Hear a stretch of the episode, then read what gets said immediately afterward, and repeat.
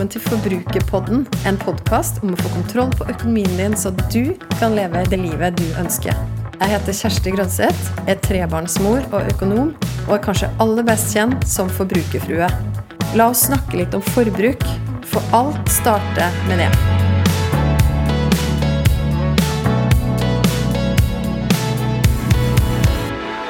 Hvem blir du inspirert av?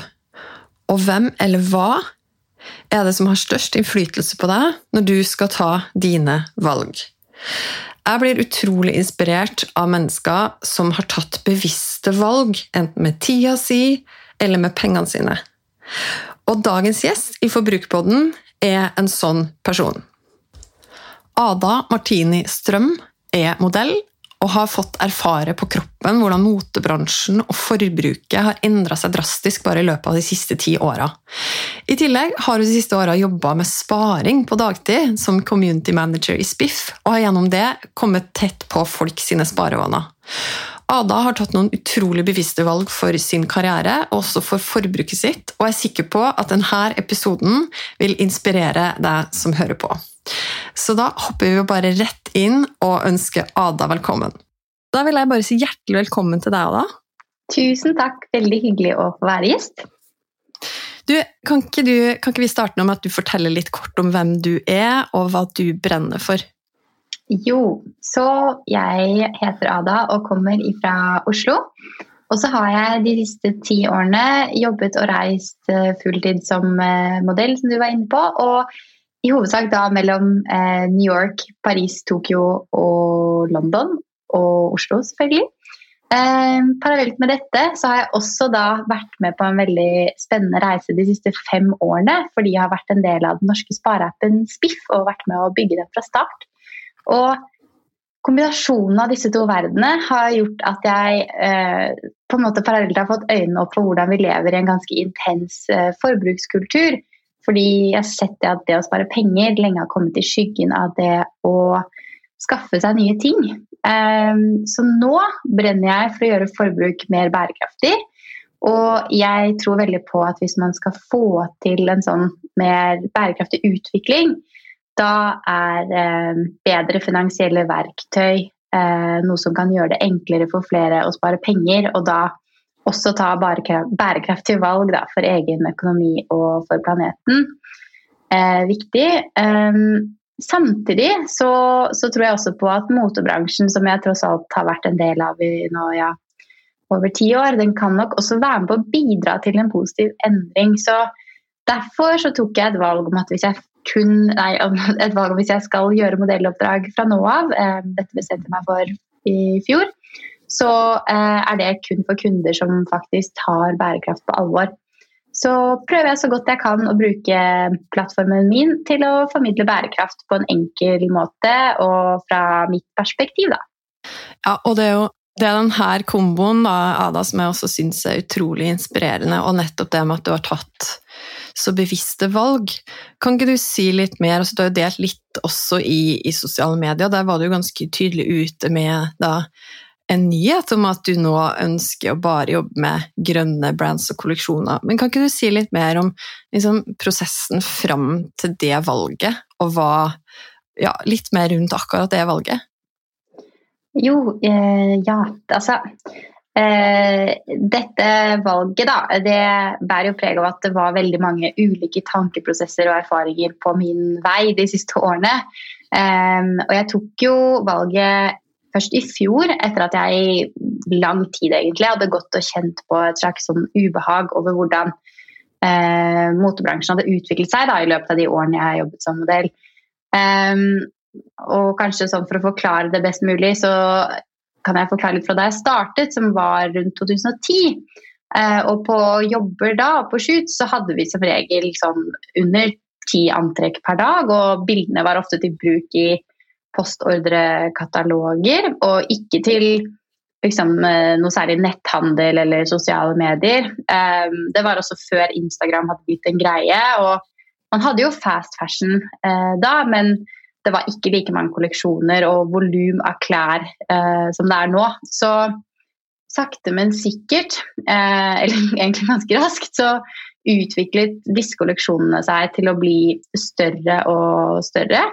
Og postordre da, det ble byttet ut med, eh, med internetthandel, eller Ecom som vi kaller det, og bilder til sosiale medier. Eh, og på jobb så, så, var kolleksjonene som skulle skytes, nesten aldri under ti plagg. Mer under 30. Eh, og hvis man var heldig, eh, så var de under 30, men de var gjerne ofte opptil 70 plagg om dagen. Eh, og kvaliteten gikk også betraktelig ned, og det ble liksom nærmest fleipet på sett eh, på shoots om liksom Ja, hva skal vi skyte i dag? Noe mer eh, skikkelig billig dritt, liksom. Det var eh, ja, en veldig sånn tydelig overgang fra eh, kvalitet til kvantitet. Eh, og så med sånne store kolleksjoner så kommer det også veldig mye innpakning og mye plast. Eh, og alt vi skyter skal jo på en måte videre til andre studioer dagen etter, og da pakkes de inn ut. og det var totalt bare et sinnssykt tempo på liksom, eh, trender, kolleksjoner, og la jeg liksom veldig tydelig merke til at eh, med, med, sosiale medier og utallige liksom, eh, fashion-influensere og mer annonser overalt, så, så ble jeg også påvirket og fikk et økt uh, forbruk og shoppet mer enn før, for det ble på en måte bare normalen. Men, men så, så, begynte jeg å lure mer på hvilke konsekvenser en sånn utvikling hadde. da. Uh, og så merket jeg hvordan mitt forhold til klær også ble mer bruk og kaste. Og, og jeg begynte å få øynene opp liksom, for bærekraft samtidig, for jeg var jo en del av Spiff. og på personlig eh, nivå så kom det en slags sånn kan forklare det som en slags undring inni meg da, over hvordan samfunnet vårt så fort hadde begynt å liksom, gå til overforbruk. Um, særlig når jeg begynte å lære å lese mer om global oppvarming og skjønte at forbruket jeg følte at jeg måtte holde oppe for å være trendy, da, det var ikke bærekraftig for meg selv eller kloden. Og da begynte jeg å ta grep selv. Eh, men så var det ikke før korona kom at jeg fikk tid til å ordentlig sette meg ned og lese meg opp enda mer på hvordan klesindustrien faktisk fungerer. Og da ble jeg veldig sånn Nå må jeg gjøre noe drastisk. Så da samfunnet åpnet og jeg fikk inn eh, sånn man kaller det for options, som er at kunden spør byrået om de kan holde av datoer for deg på shoots, så var disse optionsene fra veldig lite bærekraftige aktører. Og da merket jeg sånn Nei, jeg kan ikke si ja lenger. Eh, ikke når jeg visste hva klærne var laget av, og laget av eh, kvinner som ikke får levedyktig lønn, og ja, et hav av andre faktorer eh, som den bransjen har. Så ja, det er egentlig eh, Det er egentlig bakgrunnen for det valget. Så det jeg hører du si, da, er at det starta for deg med en stadig økende bevissthet, og det var veldig sånn synlig for deg, både hva det overforbruket gjorde med deg, og hvordan bransjen også påvirka altså vår, verden vår, og at du mm. begynte å bli mer nysgjerrig og lese deg opp om det, og den komboen med at du også ble mer bevisst på sparing, begynte å jobbe med det, mm. gjorde da til slutt at du følte at du ikke hadde noe valg rett og slett. Det er spennende, da. Og du har jo også snakka om du, du, var litt inne på hvordan forbruket preges også av å jobbe i, i motebransjen. Og, og, du snakket, du var jo i en artikkel i D2, veldig fin artikkel for uh, noen uker siden. Og du har jo snakka, snakka også der om et enormt kjøpepress. Og kan du si noe mer om hvordan det påvirka deg og ditt eget forbruk?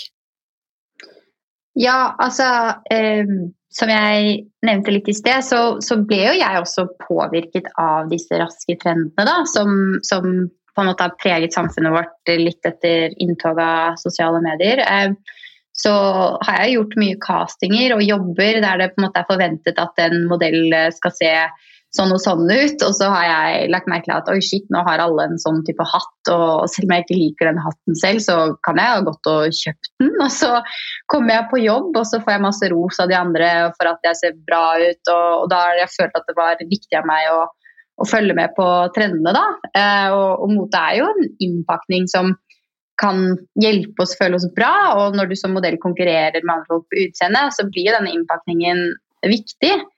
Ehm, men for min del så har jeg også heldigvis hatt andre gode venninner og mange norske modellvenninner som har hatt et veldig nøkternt forhold til uh, mote, og som har også gjort meg påvirke meg i positiv retning. Um, og selv om jeg har vært påvirket i en viss grad, så har jeg også vært uh, egentlig alltid ganske bevisst på eget forbruk fordi jeg lærte viktigheten av å spare penger tidlig. Så selv har jeg nok landet et sted midt imellom. Men jeg tror det ligger noe i det at man kan være så sterk man bare vil og prøve å ikke bli påvirket. Men hvis du har en smarttelefon, så blir du jo eksponert for tusenvis av annonser hver eneste dag. Og det, det gjør jo noe med oss, enten vi vil det eller ei, da, tror jeg.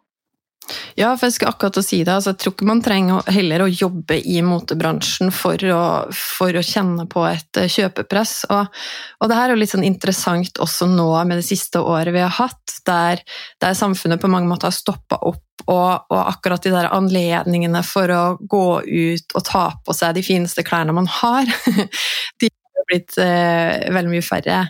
Men så det er litt sånn hvordan har egentlig det også påvirka vårt forhold til altså hva vi, hva vi, bruker pengene våre på av type klær og utstyr? Altså, mitt inntrykk er at presset på sosiale medier har ikke nødvendigvis blitt noe mindre, eller hva tror du? Jeg tror at det, det har eh, Det er en business som er kjempestor, og at eh, folk pushe på med, med, reklame der, også i en pandemi uansett. Så, så, jeg tror nok definitivt at, at, det kanskje har vært litt endring i kategorier på hva man, hva man får i feeden. Men sånn som du sier, hvis det nå er, er mer sportsutstyr, så er det kanskje fordi det er det det er på en måte enklere å, å nå folk med nå. Da. Så men jeg tror definitivt ikke at det har blitt noe, noe mindre av det i det hele tatt. Nei, og Det er jo derfor det er så viktig da, å være bevisst. og det det har jeg jo snakka om i Forbrukerpodden før også, og det, det, der med å ok, la oss ta for du var inne på sportsutstyr, la oss ta det med trening. da, altså, og, og, virkelig sjekke inn med seg sjøl når man da får at det popper opp en annonse i feeden.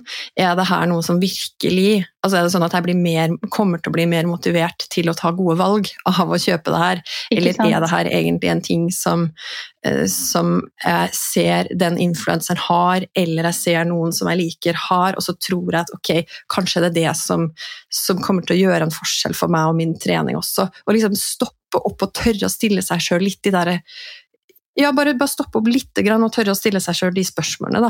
Det er jo ikke lett, for vi blir jo påvirka hele tida, men jeg tror det hjelper å bare stoppe opp og være litt sånn mindful i øyeblikket.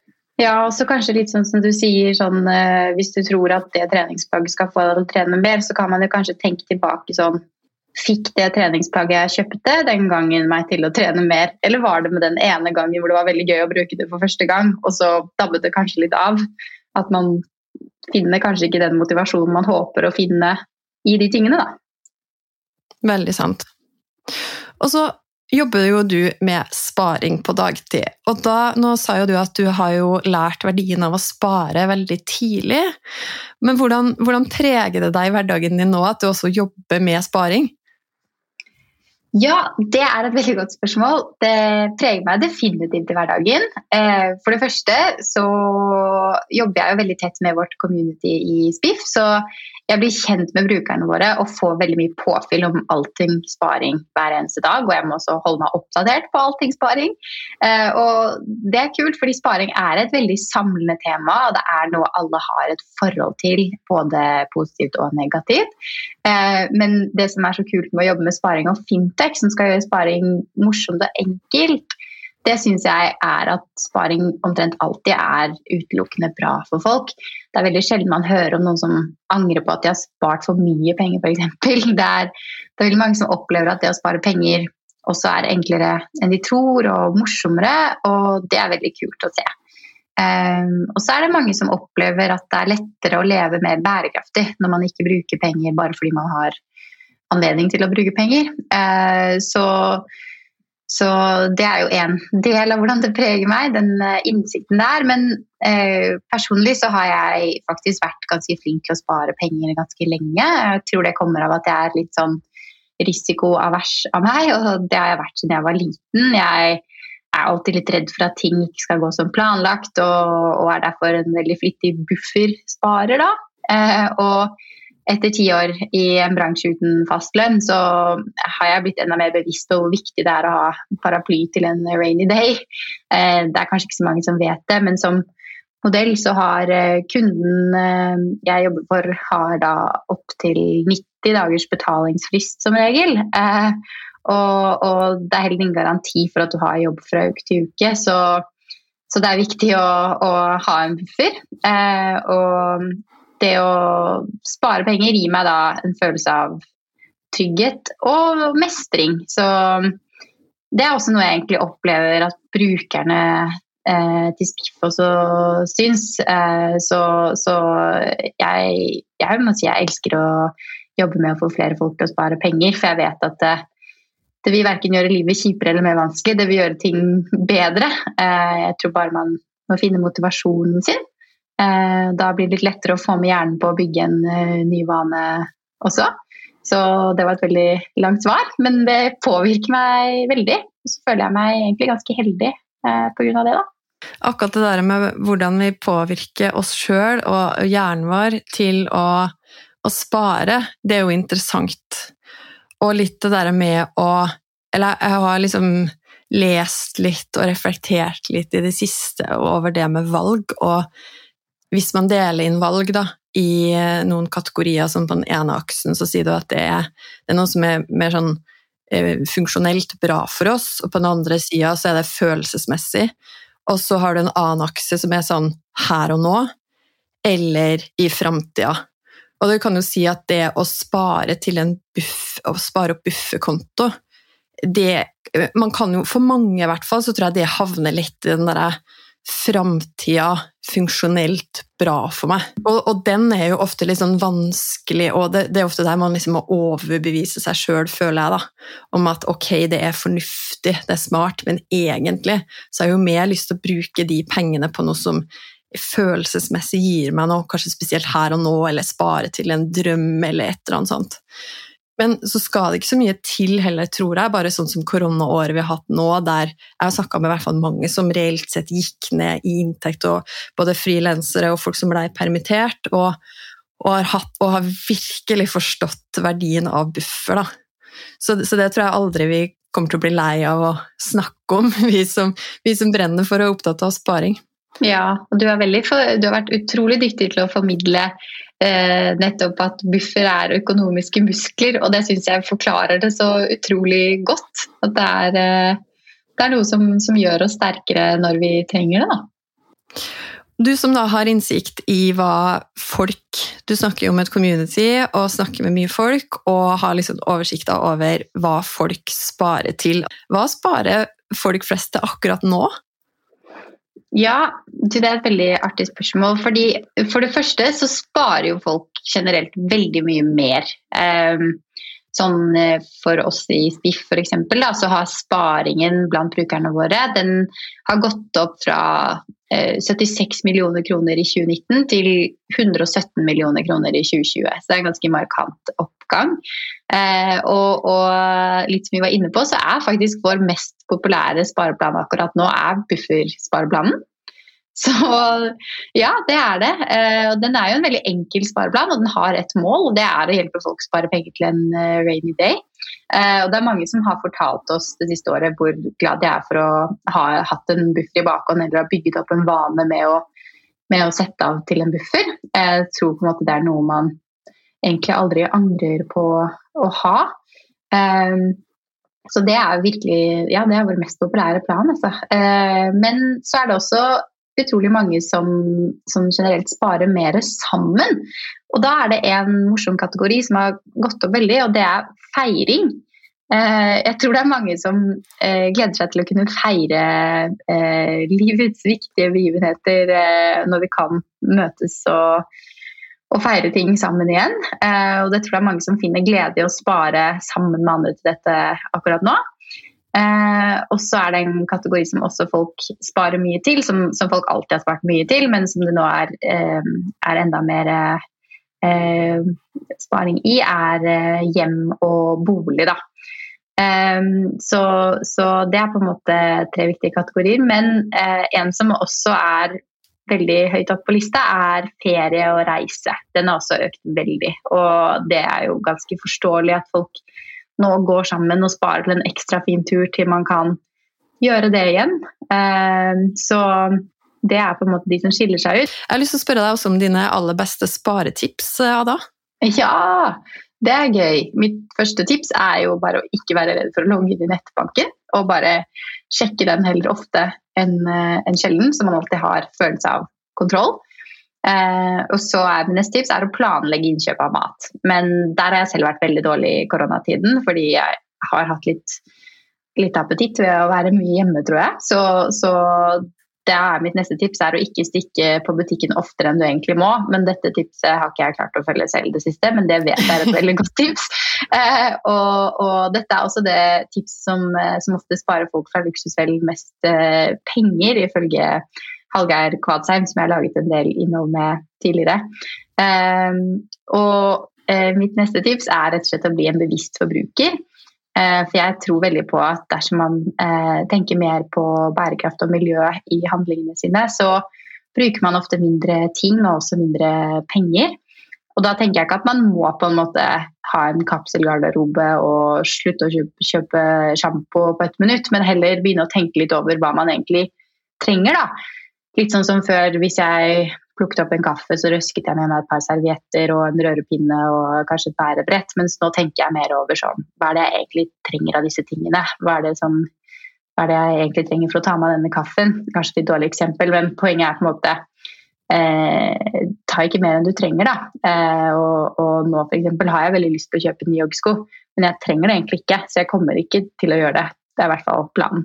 Så bare være mer eh, miljøbevisst som forbruker. Um, og så er det å kjøpe og selge brukt. Eh, jeg har fått helt dilla på Tice eh, og Finn. Og har innredet nesten hele leiligheten nå med bare ting fra Finn. Um, så, så er jeg ikke helt kommet i gang med å selge så mye selv enda, men det tenker jeg jeg skal gjøre litt mer av vår, til våren, når det blir lettere å ta fine bilder med bra lys på ettermiddagen. Og så er det å lage en engasjerende spareplan. Da. Det syns jeg er et veldig godt tips sammen med noen andre. Fordi eh, forskning fra Harvard Business School faktisk viser at de som sparer sammen, de sparer mer og oftere. Eh, og, og, når du sparer til noe sosialt, så, så ja, er det noe med det at du kanskje må følge litt med på eh, at du holder tritt med de andre, og, og får også flere påminnere på å faktisk gjennomføre sparingen. Og så Neste tips er å velge vegetar. Eh, det koster jo mindre enn kjøtt og er bedre for planeten. Og veldig digg og bra for helsa, så vinn-vinn-vinn. Eh, og neste tips er å spare penger samme dag du får lønning, og ha automatiske trekk på det, sånn at du slipper å tenke over at du bare er en del av eh, ditt økonomiske bilde på automatikk. Og så har jeg da også eh, slett tips som er å, å bruke tid på økonomien.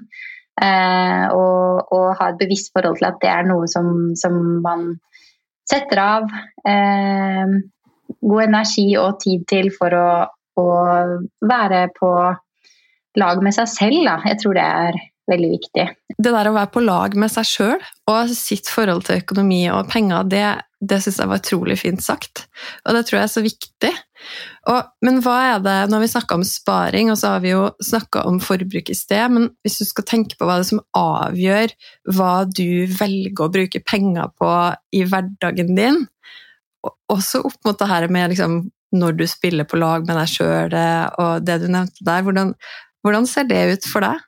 For meg nå så handler det jo veldig mye om at jeg bevisst prøver å bruke forbruket mitt til å bidra til en bærekraftig omstilling. Det høres sikkert litt pompøst ut, men eh, det ligger i at jeg prøver heller å støtte små bedrifter og velge ting av eh, kvalitet fremfor kvantitet. Og så prøver jeg å tenke meg om før jeg eh, kjøper noe som før gikk litt sånn på automatikk. Eh, sånn F.eks. hvis jeg for at jeg skal unne meg noe, så vil jeg sørge for at det er på en måte en langsiktig glede og ikke en midlertidig glede. Eh, og, og, også det på automatikk hvis jeg eh, skal kjøpe en gave, f.eks. Eh, da er det veldig lett å, å, plukke opp noe som du har plukket opp 100 ganger, som folk alltid blir glad for. Eh, men det, det, er jo ikke sikkert at den tingen på en måte eh, har så veldig lang levetid og derfor er så veldig bærekraftig. Så nå prøver jeg å finne ting som, som, eh, som en opplevelse eller, eller, noe man kan uh, spise som jeg vet på en måte blir brukt. Da, sånn at det ikke blir sånne bomkjøp. Og, og i løpet av det siste året så, så har jeg brukt egentlig penger på de tingene man kan hygge seg med nå, som er liksom uh, gjort litt sånn digital trening. Pilates er jeg veldig glad i. Og god mat. Og eh, ikke vært eh, liksom eh, noe gjerrig på streamingtjenester og filmer og bøker og de tingene. Det, det har jeg valgt å investere i, for det gir meg, gir meg mye kulturell påfyll, og det, det, er jeg veldig glad i. Eh, og så eh, sparer jeg en hel del, egentlig. Eh, men det, det, hender jo jeg går på en smell, jeg òg. F.eks. For forrige måned fikk jeg ikke spart en krone fordi jeg gikk berserk på eh, Røtter, en butikk i Oslo med veldig mye god, god mat og økologisk hudpleie og sånne ting. Eh, og eh, trengte noe ny kosmetikk og sengetøy og sånn, så jeg er ikke veldig eh, rigid, men prøver på en måte da ja, å spille på lag med meg selv og, og sørge for at det ikke blir eh, blir bomkjøp eller, eller, unødvendige kjøp da, som jeg vil angre på. Det er så fint å, å, høre deg snakke om disse tingene, Ada. Og både det at du er jo veldig bevisst på de valgene du tar, men at du også kan gå på en smell litt sånn innimellom. Ja. du, vi skal gå, straks gå inn for landing av denne episoden. Siste spørsmål jeg har lyst til å stille deg, er det her med hvordan man kan finne en god balanse mellom forbruk og sparing for seg sjøl? Jeg liker veldig godt det du sier, faktisk. Det handler om å finne sitt hvorfor, da. Ehm, så jeg tror liksom balanse jo, ligger i å finne ut hva som kan motivere til å ikke bruke mer enn hva man egentlig må eller vil. Ehm, enten motivasjonen er bærekraft, som den er for min del, eller en konkret opplevelse, noe i fremtiden du, du gleder deg til, eller, eller, om du vil kjøpe ditt første hjem og spare til egenkapital.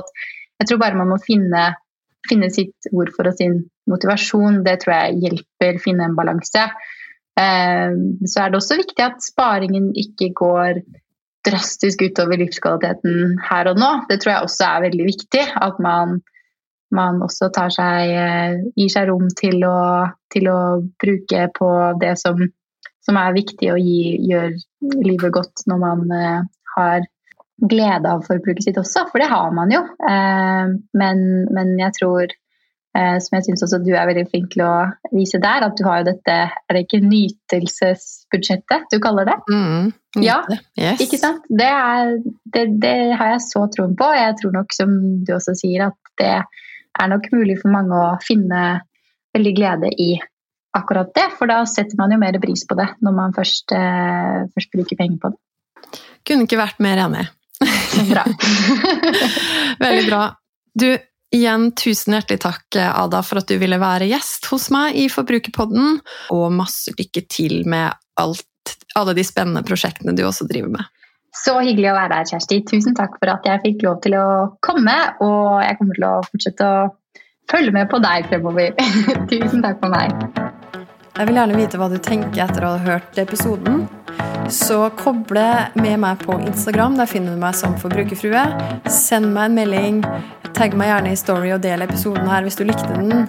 Eller send meg spørsmål. Og husk å abonnere på podkasten Forbrukerpodden, så får du beskjed hver gang det kommer en ny episode. Vi høres!